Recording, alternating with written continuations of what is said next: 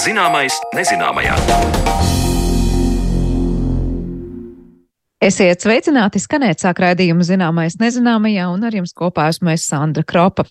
Šodien raidījumā mēs runāsim par vēsturi, par atmiņām, kuras mums ir par visai nesenu periodu mūsu dzīvēs, un par atmiņām, kuras nemaz nav mūsu, bet atceļojušas kopā ar vienu otru mītu. Raidījuma otrajā daļā skaidrosim, ar ko īpašs, neparasts, līdz galam neizpētīts ir 19. gadsimts Latvijas teritorijā, Kādi mīti ar vienvalda par dzimtbūšanu, latviskās identitātes rašanos un nacionālajām kustībām šajā periodā? Taču pirms tam pavisam nesenas atmiņas, kā vēsturi veido vakardiena. Šobrīd ikdienā jau esam sākuši lietot apzīmējumus pirms Covid un pēc Covid. Lai gan vēl pavisam nesen saskārāmies ar ierobežojumiem un pašizolāciju, jau tagad tā sāk šķist kā vēsture. Bet kā uz to raugās pētnieki un kad patiešām varam novilkt kādu pagātnes un tagadnes robežlīniju? Par to, kā mūsdienu notikumi kļūst par vēsturi, plašāk klausieties Marionas Baltkalnas veidotajā stāstā. Pati vēstures definīcija jau nosaka to, ka vēsture ir kaut kas tāds, kad pret pagājušajiem notikumiem veidojas distance. Mēs savukārt uz šiem notikumiem varam atskatīties un veidot pret tiem kādu attieksmi. Šādi skaidro Latvijas Universitātes Filozofijas un Socioloģijas institūta pētnieks Edmunds Šūpulis.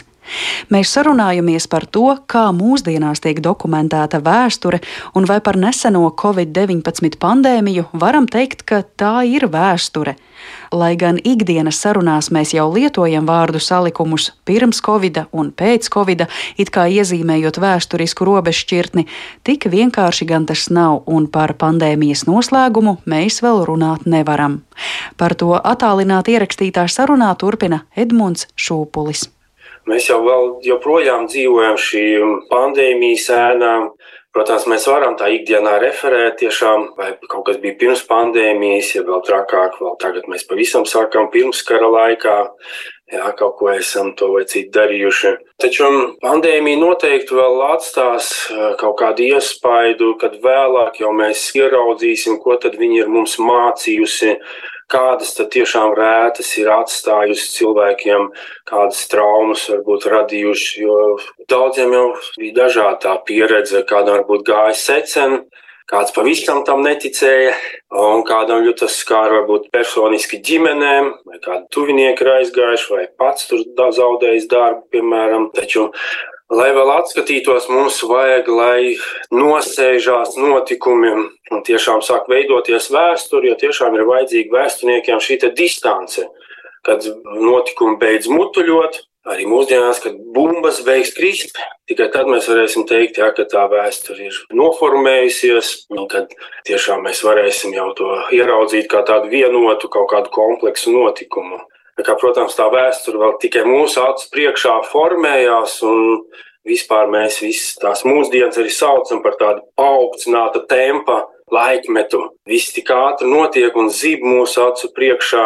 Atšķirībā no kā mums varbūt šķiet, kā tas notika viduslaikos, vai kad, kad bija tie garie periodi, kad it kā nekas nenotiek, viss klusām, pa brītiņām kāds pakaro, bet tā vispār nekas nenotiek. Bet šajā gadsimta sākumā jau mēs ieejam tādā turbulences laikā, kad šīs krīzes no sākuma it kā liekas seko viena pēc otrai, un tad, kā jūs atceraties, iepriekšējā gada šis jaunvārds, kā tur angļu profesori ir atzinuši, ir šī permakrīze, jā, permanenta momentā nemitīgā krīze, polikrīze, kas eh, parāda to, ka nevis krīzes kaut kāda lūzuma moments seko viens pēc otra, finanšu krīze, tad ekoloģiskā vai vēl kaut kāda bēgļu krīze, bet tad, ka viss tie notiek vienlaicīgi, tās krīzes seko viena pēc otras, un mēs nevaram izdalīt, kad ir kaut kāds pārējais posms. Vēsturniekiem tiešām būs diezgan grūti izdalīt, tāpēc līdz ar to kaut kāds tāds laikmetus, Jā, kā agrāk varbūt varēja. Vēsturniekiem būs jādomā kaut kāda jauna savu pieeja, kā šo laikmetu raksturot. Nu jā, jo tiešām uz kopējās sabiedrības fona cilvēkiem jau sen ir citas prioritātes, tur inflācija un uh, cenu paaugstināšanās, kara ietekme, un līdz ar to arī šo te robežšķirtni pirms covida, pēc covida mēs varbūt lietojam tīri tāpēc, lai mums cilvēciski būtu prātā skaidrība, bet vēstures zinātnē tas ir atšķirīgi, vai ne? Tieši tā distancē jābūt un vēsturniekiem it kā jāredz, nu, ko mēs gribam par to laiku it kā zināt, kā mēs gribam to uzrunāt, jo vēsture ir šis dialogs ar pagātni būtībā. Ja? Mēs kā katru reizi kaut ko jaunu gribam pajautāt, atrast, jo, protams, pagātnē ir kaut kāds bezgalīgs notikumu klāsts. Jā, mēs nevaram par visu, visu tur uzzināt, aprakstīt. Un tagad es vēl tā neredzu, ko Tieši no pandēmijas vēsturnieki grib uzzināt, jo mēs redzam, ko gribējuši uzzināt dažādas institūcijas, higiēnas, medicīnas, politiskās institūcijas, daudz, daudz mācību ir iegūšas un joprojām atskatās, kā varētu šādu mēroga un līdzīgas krīzes atkal vadīt, pārvarēt. Tad tur viņiem viss skaidrs ir. Kā, jā, tāda laba mācība, laba vēsture, un tas viss iet viņu institucionālajās atmiņās. Bet vēsturnieki vēl domā, kā tas ietekmēs. Es pats šo divu gadu laikā visu laiku vēroju, ka tiešām zinot arī no teorijām, vēsturiskās paudzes, kā veidojas tieši izjūt no šīm krīzēm, pat katastrofām, kuras piedzīvo kaut kādas noteiktas vecuma cilvēki savos tādos brieduma formēšanos gados, kad viņiem tā attieksme vissvaigākā, izjūtas vis tādas spilgtākās, ja, un tad viņi piedzīvo kaut kādu kritisku situāciju, un tālāk tas ietekmē viņu visu šīs paudzes pašapziņas formēšanos, Eh, kas tālāk noteiks, kādu pasauli viņi veidos, izējot no šīs pieredzes, ko viņi varbūt vēl pat nav apzinājuši, jo viņi tagad varbūt vēl mācās skolā, ir studenti, pirmās darba gaitas, pirmo ģimeni veido, viņi varbūt vēl nereflektē par to, kas ar viņiem īsti noticis eh, šī krīzes laikā, bet vēlāk viņi jau kaut kādas savas izvēles vai izvērtējumus veidos ar tādu atskatu uz to, ko viņi ir piedzīvojuši un piedzīvojuši, un viņi to ir tiešām globālā mērogā. Ja? Un viņi dzīvos šīs pandēmijas kaut kādu zināmu rētu varā. Bet nu, pandēmijas laikā tur bija diezgan eh, skaidrs aicinājums sabiedrības pārstāvjiem iesaistīties šī laika dokumentēšanā, jo daudz arī izskanēja informācija, ka piemēram no iepriekšējās lielās pandēmijas 20. Eh, gadsimta sākumā no spāņu gripas tik daudz liecību nav, un tāpēc eh, tagad cilvēki varētu būt vēstures veidotāji, un tieši tāpat arī tagad ir karš Ukrainā, un cilvēki dokumentē šos noziegumus. Bet sakiet, kā ir tajās situācijās, kad mums nav tāda mēroga notikumi kā pandēmija, karš, kā mēs tad dokumentējam šo neseno mūsdienu vēsturi un kā vispār to pareizi darīt un saprast, ko tad mums dokumentēt? Tas jau ir tāds visnotaļ jau noformēts process, ka tāpēc arhīvi eksistē, ka viņi zina, ko tiešām ņemt, kas vajadzīgs, kas varētu noderēt nākotnē, vai tīri formāli, kur jānostiprina visādas juridiskās varbūt tiesības un kā nodrošināt kaut kādu institūtu un organizāciju pēctecību, ka tas viss tiek dokumentēts, šie materiāli visi nonāk arhīvos. Nu, ja mēs runājam vairāk par tādu cilvēku pieredzi, Pirmā vietā ir, protams, žurnālisti kā tādi, kas fiksē šo visu mūsu acu priekšā notiekošo vēsturi, tā sacīt kur tālāk mēs varam kā pētniekiem jau izmantot kā datu masīvu. Protams, ka tāda kā sabiedrības refleksija, pašmonitorings arvien pieaug, tas tāds vēsturisks arī process sabiedrība tiešām ir sapratusi, ka vajag arvien vairāk liecību par sevi saglabāt, ka tas arvien var noderēt kaut kad nākotnē, lai gan mēs īsti nezinām, kas no tā visa masīvi noderēs. Un arī šie tehniskie līdzekļi ļauj caur digitālajām platformām saglabāt tiešo nepastarpināto cilvēku pieredzi.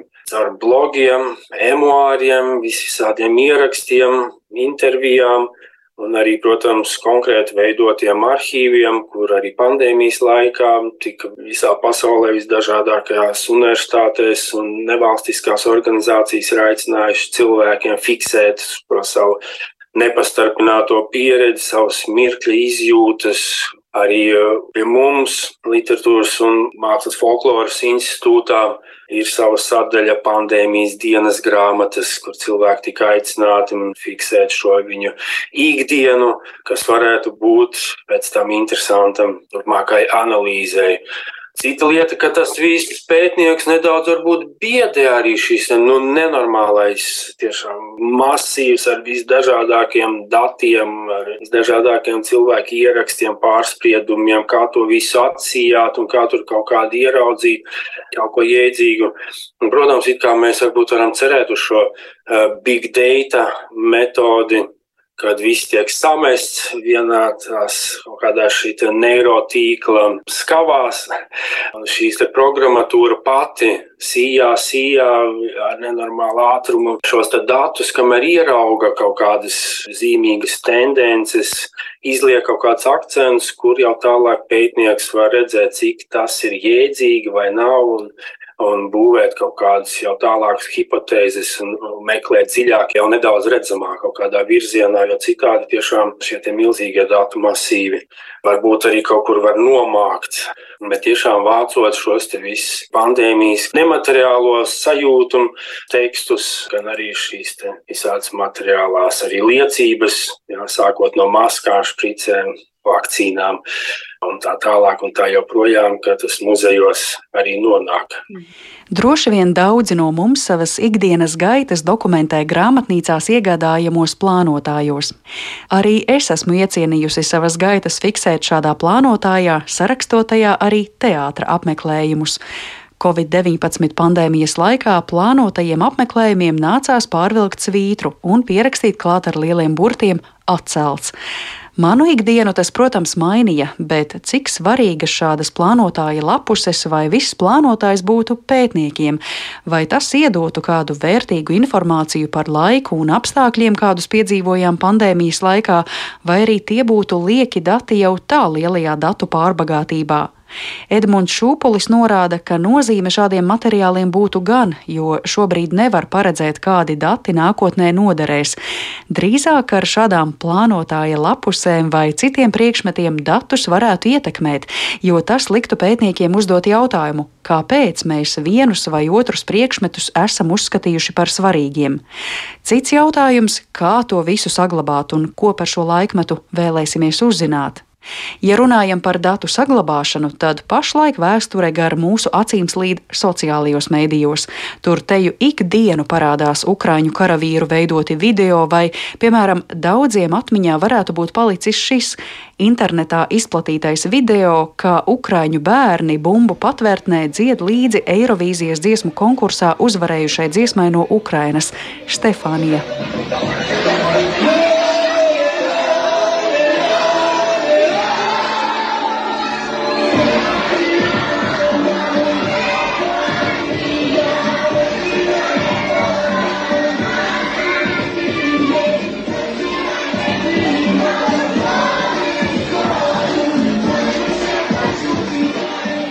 Vai sociālie mediji pēc kara beigām būs vēstures avots un kā straujajās ziņu lentēs nepazaudēt vērtīgo?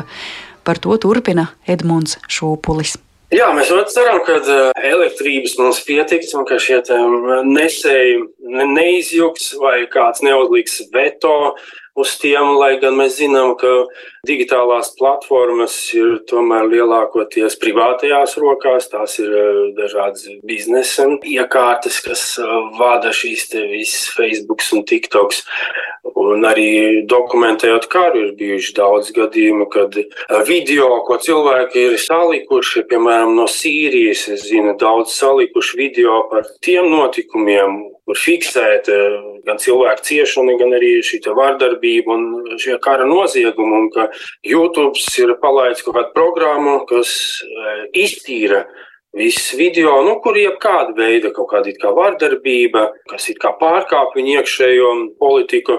Un uh, visi šie liecinājumi vienkārši pazuda vienā mirklī. Un tagad tiešām tiek domāts par to, kā noglabāt šīs svarīgās liecības, tās varēs izmantot tālāk, tiešām, nu, pirmkārt, juridiski, saglabāt tā, lai šīs liecības var kalpot kā tāds pierādījums, kā kaut kas, ko pielikt pie lietas tiesā. Un tam ir noteikti izveidot arī procedūras, speciāli protokoli, kā marķēt šos te visu safilmēto vai uzrakstīto, ka tas nav izmainīts kaut kādī, ka tas var kalpot kā pierādījums, ka viņš ir paņemts tieši priekš pierādījumu, un pie tā strādā ļoti daudz ukrāņu organizāciju, kas viņiem palīdz, kas glabā šo materiālu. Tas jau nāk jau no Krīmas laikiem, tās aneksijas, un kara noziegumi jau velkās kopš tiem laikiem, un tie tiek dokumentēti. Lai gan grūti stādīties priekšā, kā tas viss tiks izanalizēts, iztiesāts, ka mēs jau zinām, kā ar šo notriekto lidmašīnu. Boeing virs Donbass tika notriekts, ka pie tā strādājuši ap 400 izmeklētāji, pie viena gadījuma. Šie gadījumi ir tūkstošiem, kas jau tagad jau fiksēti kā potenciāli kara noziegumi, ka ar to tiks galā tiesas. Nu, līdzīgi ar šo vēsturi būs. Noslēgumā pētnieks piemin, ka mutvārdu liecību apkopojums par karā Ukrainā notikušo jau tiek īstenots, un tam ir rezultāti. Jā, akurāt nesen man padeva ziņu kolēģi no Ļuvas universitātes, ka viņiem iznākusi jau ir cilvēku mutvārdu liecību grāmata sieviešu stāstiem. Visdažādāko sieviešu karavīru, māšu, palīdžu, visi, kas ir cietuši vai kā piedalījušies karā, viņi jau ir savākuši mutvārdu liecības stāstus, cilvēku šos personisko pieredzi apkopojuši jau divu sējumu grāmatā, tā kā viss notiek ļoti ātri. Gan pētniekiem būs ko darīt, un arī noteiktām institūcijām būs jāizlēm, kā tikt galā ar šīm kara sekām.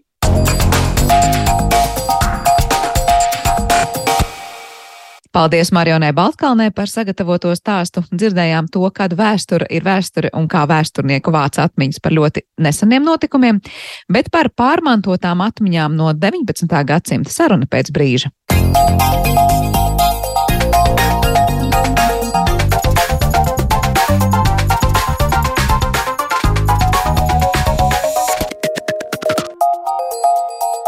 Zināmais nezināmajā. Daudzi mūsu priekšstati par latviešu kultūru un vēsturi sakņojas 19. gadsimtā, bet tas ir bijis ne tikai garš un bagātīgs laikmets notikumu un personību ziņā, bet arī laiks, kad radīts neviens vien mīts par vēsturi un to, kāda tad ir bijuši latvieši un kā mēs, kā nācija, esam veidojušies. Šim tematam veltīt arī Māra Zandera sarakstītā grāmata, kurā viņš par šiem un citiem jautājumiem izvaicā vēsturnieku Mārtiņu Mintauru. Man ir prieks, ka šodien studijā pie mums ir pats vēsturnieks un arī telefoniski pievienojas šīs eh, grāmatas autors. Labdien, Māri, un sveiki, Mārtiņa! Labdien! Labdien. Vispirms, Māri, es lūkšu ieskicēt grāmatas un citi ārpus kolektīvās atmiņas palikušie. Šis ir nosaukums.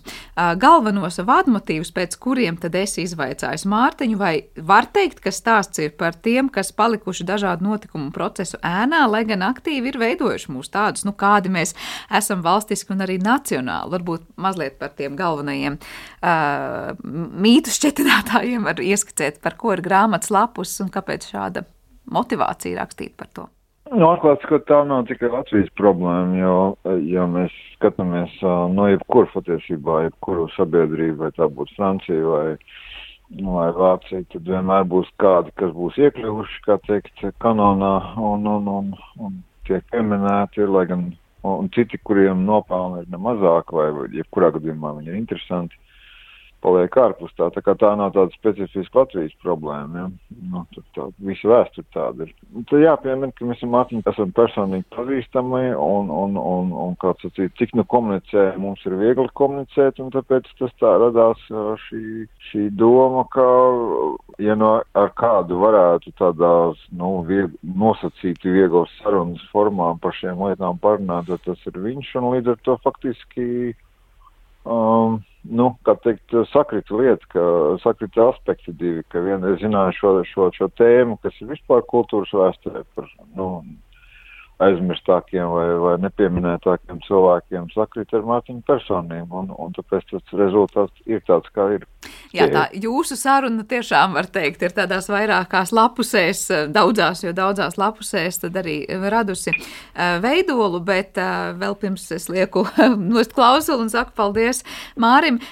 Kā var teikt, ka šie aizmirstie vai nepamanītie, nu, vai kā citādi nosauksim šos cilvēkus, tas ir konkrētas personības, vai tās ir organizācijas un daudz kas cits, kas var teikt mums ārpus tā vēstures stāstījuma ir palicis? Māri, kas tev liekas tie, tie būtiskākie ār, ār, ārpus esošie? Nu, ga, nu gan, gan, tur jau Mārtiņš labāk zinās, bet es, nu, es arī pat es varēju saku pat tādā. Uh, Uh, Eiropas uh, kultūras vēsturē tas tā ir. Es zinu, ka Mārtiņš ir liels speciālists uh, par, par, par arhitektūru un, un par tādām lietām. Es vienkārši, kā teikt, lai viņam būtu jautrāk turpināt sarunu. Es nesen pie, lasīju grāmatu par uh, pieminekļa aizsardzību Anglijā uh, 18. gadsimta beigās. Un, piemēram, nu, tur izrādās, ka ir bijis ļoti grūti gājis ar šo lietu, tā iemesla dēļ, ka pieminekļa aizsargi, antikvāri ir asociējušies ar katoļu baznīcu, kas Britiem riebjās ilgu laiku, un, un tāpēc, piemēram, viņu nopelni šie cilvēku nopelni Britus pagātnes mantojuma saglabāšanā ir ilgstoši palikuši, kā teikt, noklusēti. Ja. Tā tā ir tāda, tur ir gan personības, gan parādības, gan organizācijas. Svarēs, es gribu uzsvērt to, ka tas nav tikai Latvijas problēma, bet nu, vienīgi Tas nenozīmē, ka mums ar to tāpēc nav jānodarbojas. Paldies, teikšu Mārim. Mārs Zanders tātad bija pie telefona. Mm. Mēs sarunu studijā turpinam ar Mārtiņu Mintauru.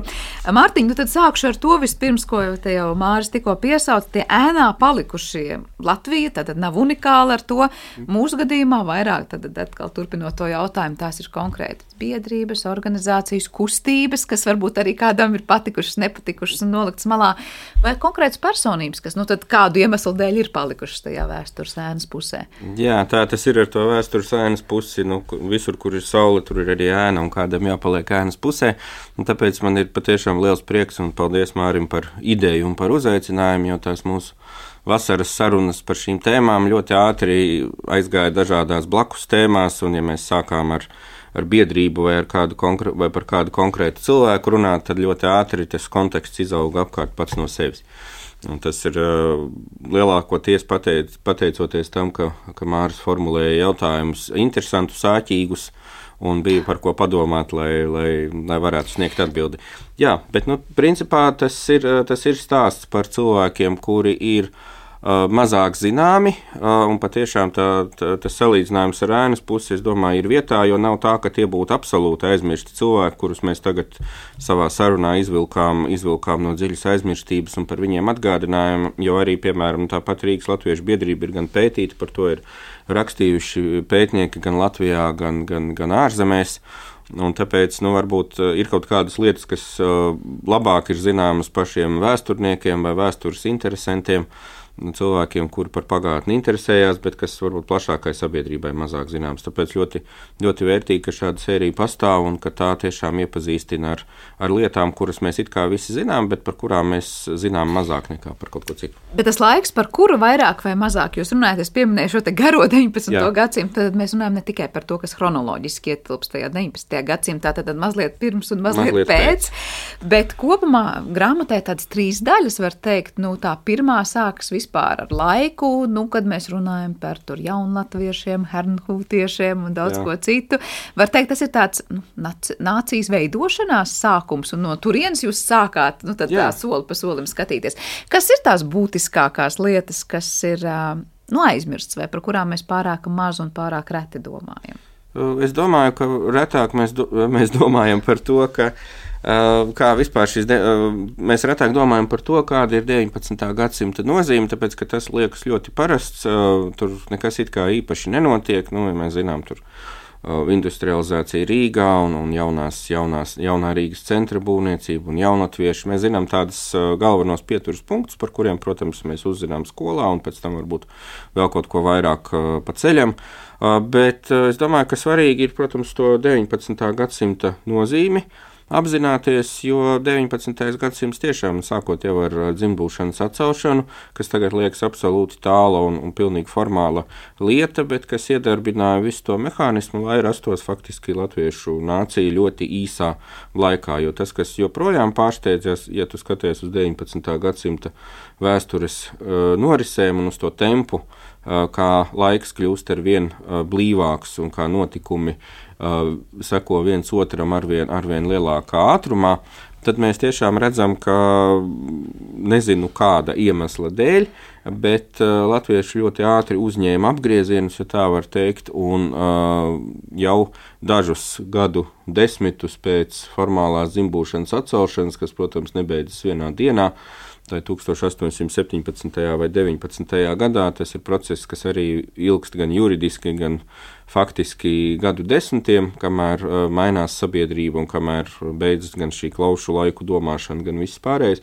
Bet neskatoties uz to, tas notiek viss ļoti ātri. Mēs šodien sakām, ka, mm, ka laiks ir kļuvis ātrāks un ka mēs vairs īsti netiekam līdzi visiem notikumiem, kas mūs skar. Nu, līdzīgi droši vien varēja šķist arī 19. gadsimta cilvēkiem, jo viņi lasa avīzes, viņi uz, uzzina to, kas vēl uh, iepriekšējai paudzei, viņu vecāku un vecvecāku paudzei noteikti nebija ne zināms, ne aktuāls.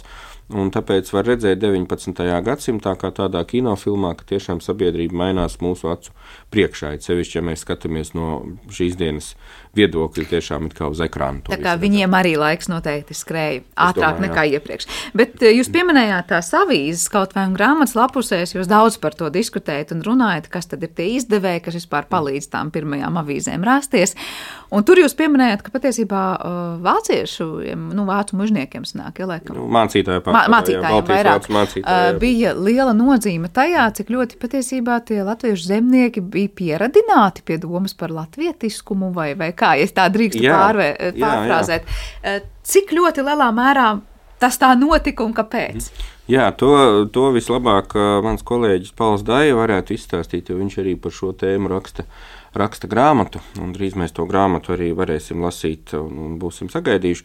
Uh, jo tā ir ļoti interesanta tēma patiesībā. Tā, tā, gan ir, tas gan ir viens aizmirstais slānis Latvijas vēsturē, uh, šie Baltijas vācu vai vācu baltiešu mācītāji. Uh, par kuriem arī ir diezgan daudz dažādu stereotipu izveidojies laikmeta gaitā, tāpat kā par mužniecību. Par tiem mēs arī ar, ar, ar Māri runājām grāmatā, kā tas veidojās un kāpēc. Bet patiešām tas ir viens no Latvijas vēstures paradoksiem, ka tos priekšnoteikumus latviešu nācijas idejai lielā mērā izveidoja šie Baltijas vācu mācītāji, tāpēc ka viņi ļoti rūpīgi nodarbojās ar latviešu nacionālās literatūras veidošanu, Un 19. gadsimtam tas ir ļoti svarīgs apstākļus, tāpēc ka pēc tā laika izpratnes, tad, tad lai tauta varētu pretendēt uz nācijas statusu, tai ir nepieciešama ne tikai valsts, kas latviešu gadījumā nebija iespējama vēl, vēl Krievijas impērijai pastāvot, protams, bet tai ir nepieciešama sava uh, nacionālā kultūra, ar kuru tā atšķiras, uz kuru tā pamatojas, un šīs kultūras pamatā 19. gadsimtā ir pirmām kārtām literatūra. Bet kāpēc vācu mācītājiem tas bija būtiski un izdevīgi? Uh, tāpēc, ka viņi sekoja apgaismības laikmetu idejām, un tāpēc arī mēs atkāpāmies drusku agrākos laikos, uh, rēķinot ne tikai no 1800. gada, bet vēl 18. gadsimtā ieejot. Uh, tāpēc, ka viņi kā izglītoti cilvēki uzskatīja par savu pienākumu, gan tādēļ, ka viņi bija mācītāji, gan tādēļ, ka viņi bija izglītoti cilvēki. Viņu tas pienākums bija rūpēties par savu draugu, par saviem zemniekiem. Viņi jutās par to atbildīgi, līdzīgi kā arī mužnieks vairumā gadījumā bija atbildīgs tajā dzimbūšanas sistēmā par viņam uzticētajiem un viņam piederošajiem juridiski zemniekiem. Un uh, vācu mācītāji, Baltijas vācu mācītāji, tad, tad uh, pievērsa latviešu valodai un latviešu arī folklorai uzmanību tādēļ, ka, tas, uh, nu, ka tā ir uh, dieva dāvana, tā ir iespēja viņiem pētīt tautu, kas pastāv un kas lieto savu valodu, kur atšķiras kaut vai no vācu valodas, arī no Baltijas vācu uh, dialektiem, un nu, viņi to uztvēra tādā teoloģiskā skatījumā, kā dieva uh, plāna izpausme, ka eksistē tādi latvieši, kuriem ir sava valoda un kurus tāpēc ir interesanti pētīt, un viņiem ir arī tiesības par latviešiem palikt. Tas ir tas ideoloģiskais pamatojums. Un otrs, protams, bija tāds, ka Um, to jau ir teikuši arī pirms mums ar, ar Māri daudzi daudzi gan laika biedri 19. gadsimtā, gan vēlāk vēsturnieki. Vēl viena lieta, kas ir raksturīga mūsu vēsturē, 19. gadsimtā, kas sakrita lielā mērā piederība pie sociālās kārtas, tātad pie zemniecības, ar piederību pie konkrētas tautas, pie latviešiem un arī pie igauniem. Tieši tāpat tas bija. Līdz ar to stiprinot to zemnieku arī etnisko pašapziņu un, un, un veicinot zemnieku izglītošanos, šie Baltijas vācu mācītāji arī nostiprināja esošo kārtību, esošo lietu kārtību, kas, protams, viņiem bija izdevīgi tādā ziņā, nu, ka tā neapdraudēja arī viņus pašus. Bet tajā brīdī, kad viņi teica, nu, tā ir tā iespēja pētīt latviešus, vai jums ir tiesības par tādiem palikt, es, cik es saprotu arī jā. no grāmatas lapusēm, tā ideja bija tāda, bet jūs vienmēr būsiet zemākas kārtas. Jā, jūs jā? vienmēr paliksiet pie savas kārtas, jo tas arī ir, tā arī ir Dieva plāna sastāvdaļa, tā ir dabiskā lietu kārtība. Latvijas ir zemnieks, un, un tāpēc ļoti labi, ka viņš ir latviečs, un tas ir jāveicina, un tam tas nav nekas slikts, jo būšana par latvieti nostiprinās viņā arī to zemnieka pašapziņu, un viņš paliks zemnieks. Protams, nerēķinājās ar to, ka latvieši, kuri būs lasījuši avīzes un uzzinājuši, kā dzīvo cilvēki tajā pašā Vācijā vai, vai kaut kur citur Eiropā, ka viņi sāks domāt līdzi, ka viņi sāks mēģināt iestāties universitātē, un ne tikai mēģinās, bet arī iestāsies, ka viņi sāks to emancipācijas procesu paši piepildīt un paši, paši veidot. Ja? Nevis tā, ka par mums rūpēsies gādīgs draugs, gans un mācītājs, bet ka paši tie, tas viņa ganāmpulks sāks domāt ar savu galvu. Tad patiesībā šī ganāmpulka, jūs vārdiem runājot, vadītāji to liek pat neapzinājās, cik ļoti tālu tas ganāmpulks var aiziet. Jā, jo to viņi saprata 19. gadsimta 50. un īpaši 60. gados, jo arī Jūra Alunāna tulkotās dziesmiņas, ar kuru ar šo izdevumu tad, tad, uh, rēķina Latviešu nacionālās literatūras sākumu. Būtībā jau tā bija tradīcija, kur Alnāns turpināja to pašu. Uh, piedāvājot rietumu literatūras uh, tulkojumus, gan klasiskos, gan laikmetīgos, ko jau bija darījuši tie paši Baltijas vācu mācītāji pirms viņa. Bet uh, tas, kas bija citādi jaunatviešu gadījumā, bija tas, ka arī, un to saprata arī paši Baltijas vācu mācītāji, ka nu, tagad maisam ir gals vaļā un viņi paši sāks veidot savu literatūru, un tas vēl nebūtu nekas, bet ir acīm redzot, noticis tas, ko neviens nevarēja paredzēt, ka līdz ar šo kultūras pašapziņu, ar etnisko pašapziņu un tautības apziņu, kā to 19. gadsimtā sauc, sauca, nāks līdz arī uh, politiskās pretenzijas uz to, ka latvieši nav tikai tāda uh, tautība, par kuru kādam ir jāiestājas un ir, uh, kuriem ir jādzīvo tādā aizbildnībā, mūžīgā kultūras aizbildnībā. Nu, tā kultūras aizbildnība beidzās ļoti ātri, un tāpēc arī tā reakcija pret jaunatviešiem 19. gadsimta 60. gados, tad, kad sāk iznākt Pēterburgas avīzes, ir ļoti asa un it kā tāda nu, no malas raugoties uh, pārāk asa, jo viņi jau nekādu politisku aģitāciju neveic, viņi tikai paplašināja to, to pašu emancipāciju, to pašu pilnveidošanās un attīstības ideju, ko, ko paši Baltijas vācu mācītāji viņiem bija iedevuši. Jūs tagad piesaucāt jaunatviešus, vai mēs varam teikt, ka tie, tie aizmirstie, tie ēnas pusē Jā. palikušie daudz ir konkrētas personības nu, kas tad bija tā augsne, lai rastos jaunatvieši vai, piemēram, tie paši hernhūtieši pieminētie? Jūs Jā. grāmatā rakstāt, var teikt, tā kā geogrāfiski var nodalīt vienu vairāk vidzemē, vienu vairāk pārējā Latvijas daļā, vai, vai jūs tur saskatāt aizmirstās personības Latvijas vēsturē? Jaunatviešus mēs, protams, zinām no skolas uh, grāmatām, un jaunat, par jaunatviešiem mēs vēl zinām salīdzinoši daudz, bet mēs mazāk zinām par viņu laika biedriem, par to pašu Ansi Leitānu, kas bija pirmais latviešu tautības redaktors laikraksta mājas viesis, ar kuru jaunatvieši arī paši diskutēja un ar kuru, ar kuru viņiem bija domstarpības. Bet mēs arī mazāk zinām teiksim, par to paudzi, kas izveidoja Rīgas Latviešu biedrību. Ja par personām runājam, nu, mēs zinām, ka Rīgā ir Riharda Thompsona iela, bet mēs ja, droši vien īpaši daudz nezinām, ja mēs pajautātu uz ielas aptaujas veidā, improvizētā kādam, kādam pretīnācējam, kas ir Rihards Thompsons. Es domāju, ka lielākā daļa nezinātu. Viņi zinātu varbūt Krišjānu Valdemāru vai Krišjānu Baronu, bet tas Rīgas Latviešu biedrības stāsts ir palicis nu, 20. gadsimta politikā politisko notikumu dēļ mazāk zināms ārpus pētnieku loka. Tāpēc, tāpēc jā, nu, tās, tās personības ir gan tā saucamie veclatvieši, kuri bija pirms jaunlatviešiem. Ja, tas ir tāds apzīmējums, ko ļoti labi zina literatūras vēsturē, jo to Andrēs Johansons latviešu literatūras vēsturi pēc kara trimdā Zviedrijā rakstīdams to arī šo, šo terminu izmantoja un par to atgādināja. Henkūtieši ir atsevišķs stāsts. Nu, Henkūtieši tagad, pateicoties Latvijas Nacionālās bibliotekas aktivitātēm, ir ļoti labi pazīstami mūsdienu cilvēkam kā parādība, jo ir gan izstāde, gan, gan ir bijuši dažādi pasākumi, un vēl būs arī sarunas un, un diskusijas par šiem, par šiem jautājumiem. Tāpēc Hanhūtiešiem ir paveicies tā ziņā, ka viņi patiešām ir izvilkti no gaismā, jā. gaismā izceltajā saulītē un, un, un, un, un, un, un ir apskatāmi no, no dažādām pusēm vienlaicīgi. Bet tajā pašā laikā, protams, ka viss šis 19. gadsimts ir ļoti raibs stāsts. Ja? Tas ir tiešām tāds, ja tā varētu teikt, lupatu deķis, kas ir sašūts no dažādām mazām, mazākiem vai lielākiem gabaliņiem, kas kopā veido ļoti raibu un arī, jāteic, saskanīgu, saskanīgu ainavu. Uh, Un uh, mums ir visas iespējas tad, tad arī šajā ainavā atrast tos, kurus mēs neesam pamanījuši nu, kādu objektīvu iemeslu dēļ. Te es par tiem iemesliem gribēju vaicāt, Jā. vai tas ir tas, ko Mārcis sarunas sākumā teica, pieminot Lielbritāniju. Ja, proti, ka tas vienkārši nav paticis, un tur var teikt, ir tās arī politisks kaut kāds fons tam, kurus sadzird un kurus atstāja ēnā vairāk vai mazāk runājot, kā Latvijas vēstures gadījumā par šīm gan biedrībām, gan personībām runājot.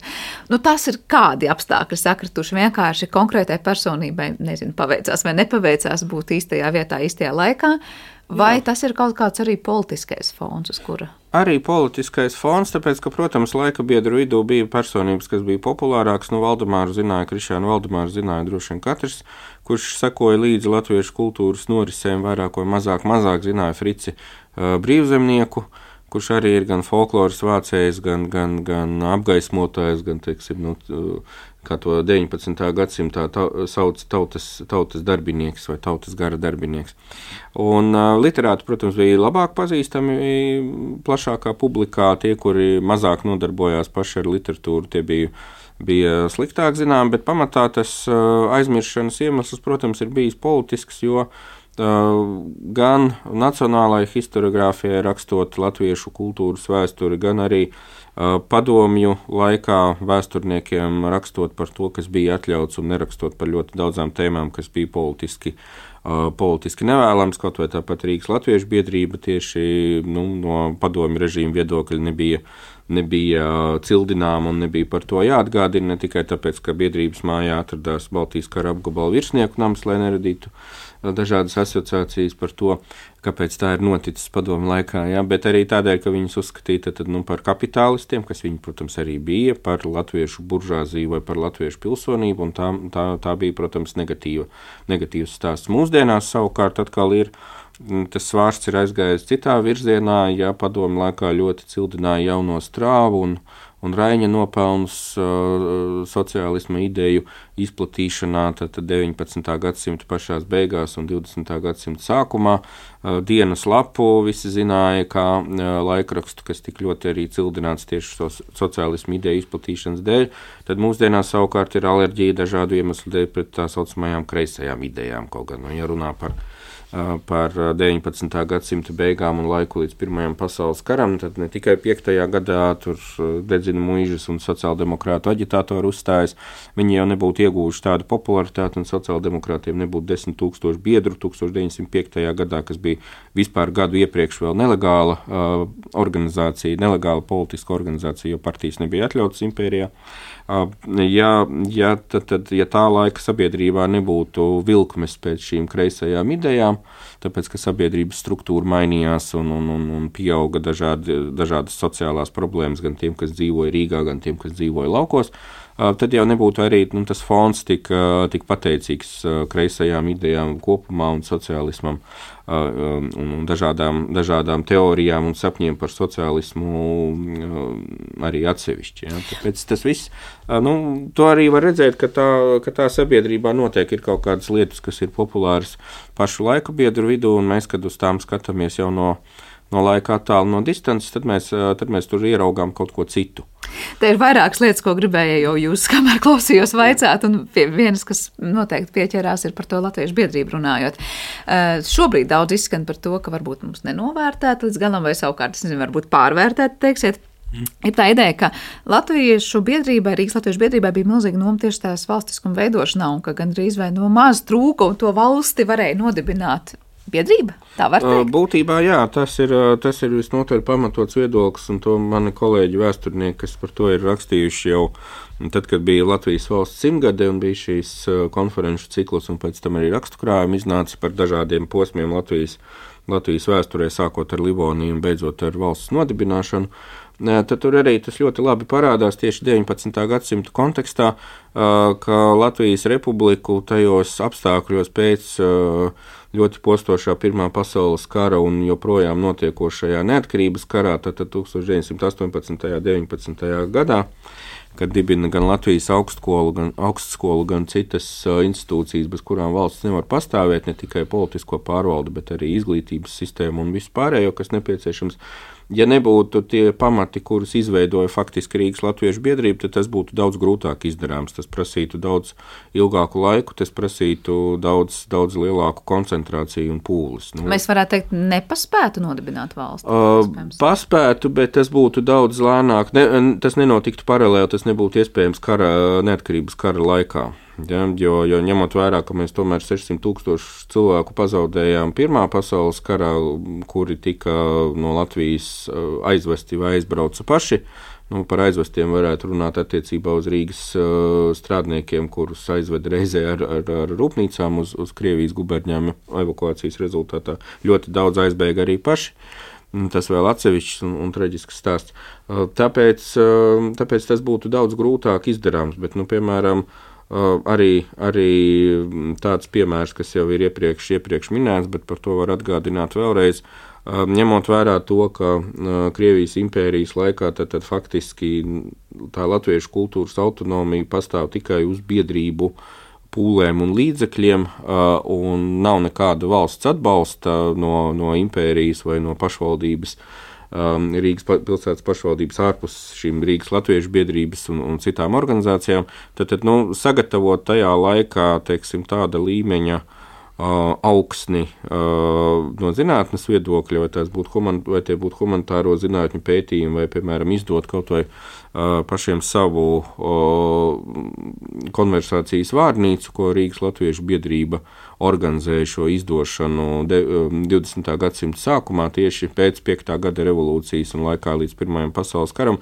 Nu, tas arī ir liels, liels panākums, jo būtu grūti atrast vēl kādu tautu tajā laikā, nu, Krievijas impērijā noteikti nē, kurai būtu teiksim, šāda līmeņa izdevums atbilstošs tā laika uh, um, parametriem, kā ir jāveido nu, viens kārtīgs uh, Brohausa stilu leksikons, ja, bet tas, tas iznāk latviešu valodā, apstākļos, kad latviešu valodai nav nekāda oficiāla statusa, apstākļos, kad nepastāv uh, pat uh, formāla kaut kāda apvienota latviešu kultūras autonomija vidzemē un kurzemē, bet kad ir atļauts tikai šādas lokālas uh, biedrības, kā Rīgas latviešu biedrība vai vai Jālgavas Latviešu biedrība, vai, vai nu, vispār tā, tā sistēma ir, ir iespējami nelabvēlīga kaut kādai nācijas kultūras attīstībai kopumā, bet uh, par spīti tam tas notiek.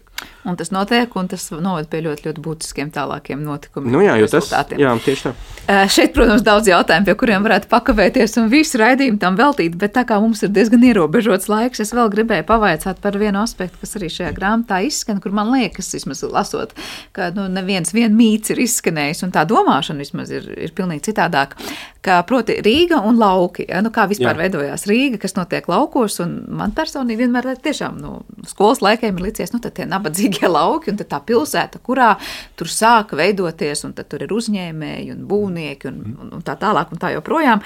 Kultūras darbinieki, inteliģence. Mm, var teikt, ka patiesībā nebija tā, ka lauki nemaz nebija tik nabadzīgi, un tie, kas tur bija tajos laukos 19. gadsimtā, patiesībā bija diezgan turīgi cilvēki.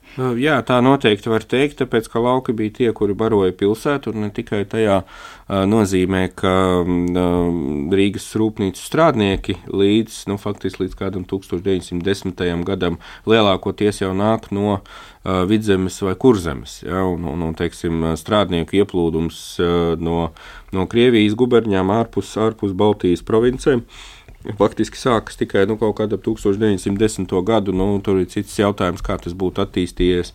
Droši vien, ka līdzīgi kā notika pēc otrā pasaules kara, ja nebūtu izcēlies pirmais pasaules karš, un Rīgas rūpniecība turpinātu augt un, un paplašināties, tad noteikti, ka nepietiktu ar vietējo darba spēku no vidzemes vai no kurzemes vai no Vitebras guberņas latviešu apriņķiem. Uh, bet uh, faktiski arī tā Rīgas latviešu pilsonība, kas tad uh, izveido izveido mm, Rīgas Latviešu biedrību un kas kļūst par eh, tiešām lielākajiem nodokļu maksātājiem, tad, tad bagātākajiem cilvēkiem Rīgā 20. gadsimta sākumā ap, ap 1900. gadu.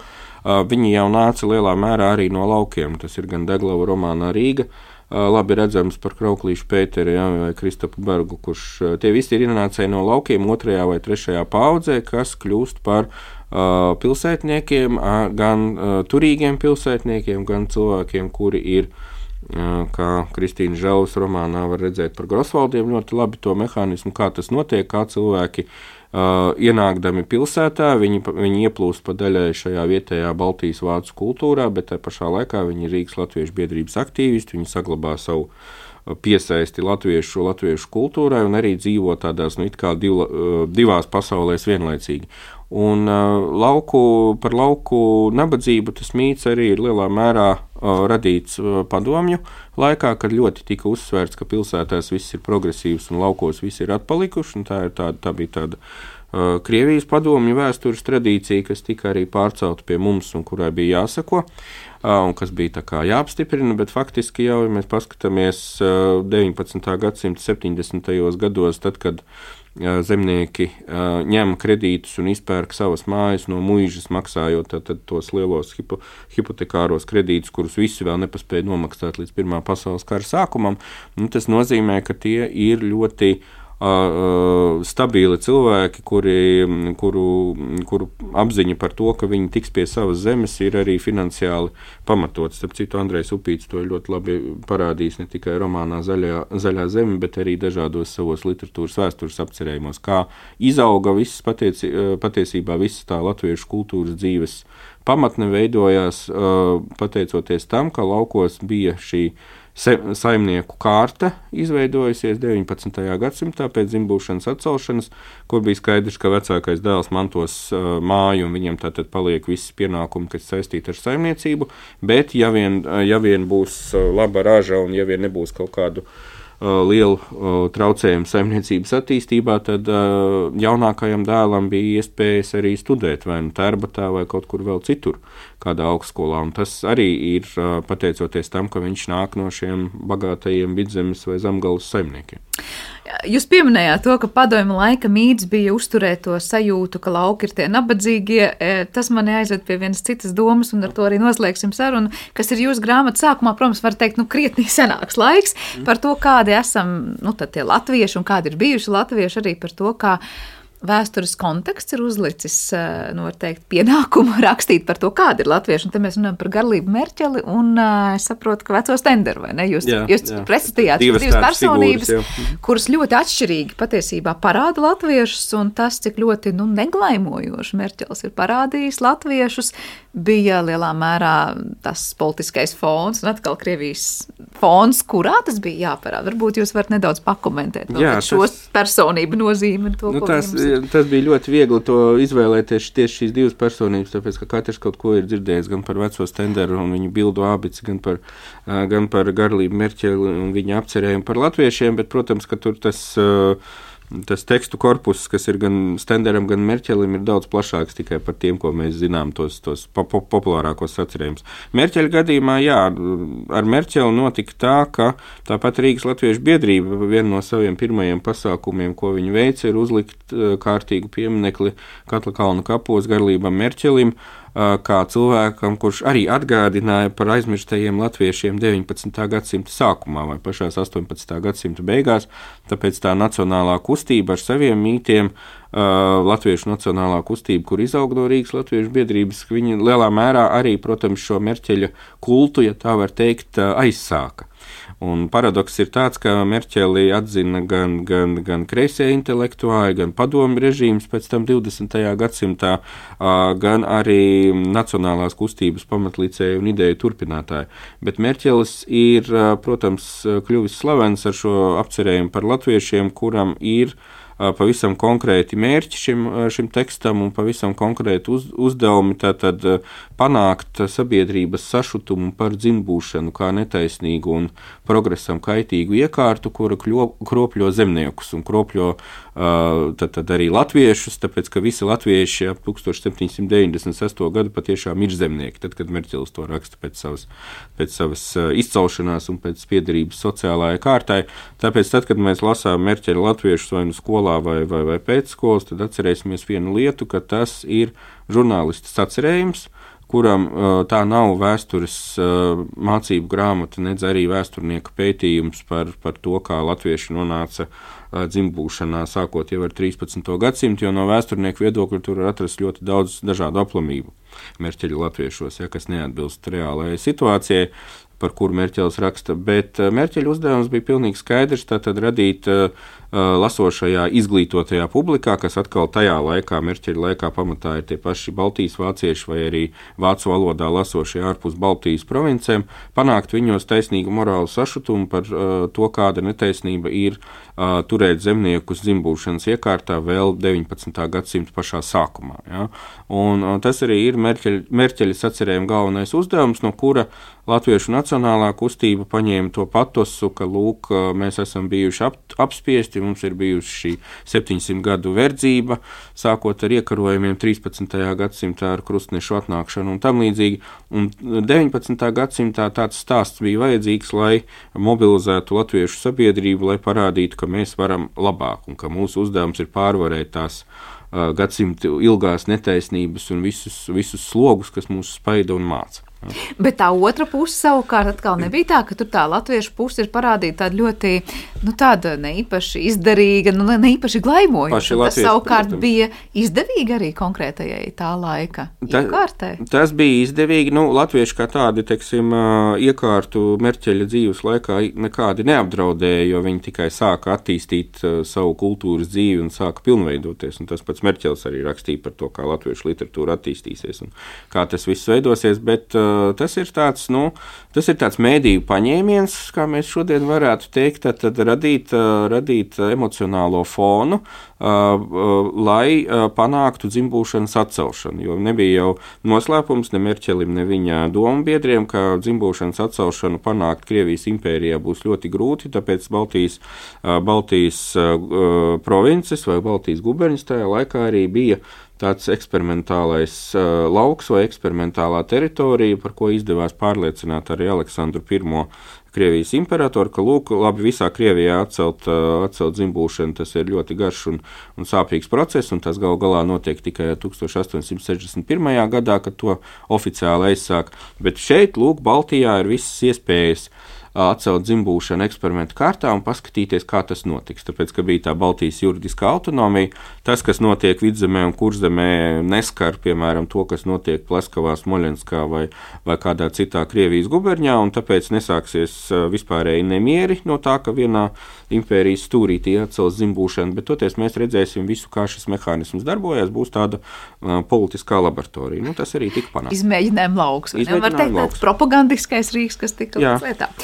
Tieši Paldies par šo sarunu. Kā jau mēs jutām, tie daudz jautājumu, kurus vienkārši ieskicējām, aizķērām, kur gribētos, protams, padiskutēt ilgāk un vairāk, bet tātad eh, grāmatā un citi ārpus kolektīvās atmiņas palikušie jūs ar Māru Zanderu par to ļoti, ļoti plaši un uh, interesanti runājat, un tas arī ir lasāms.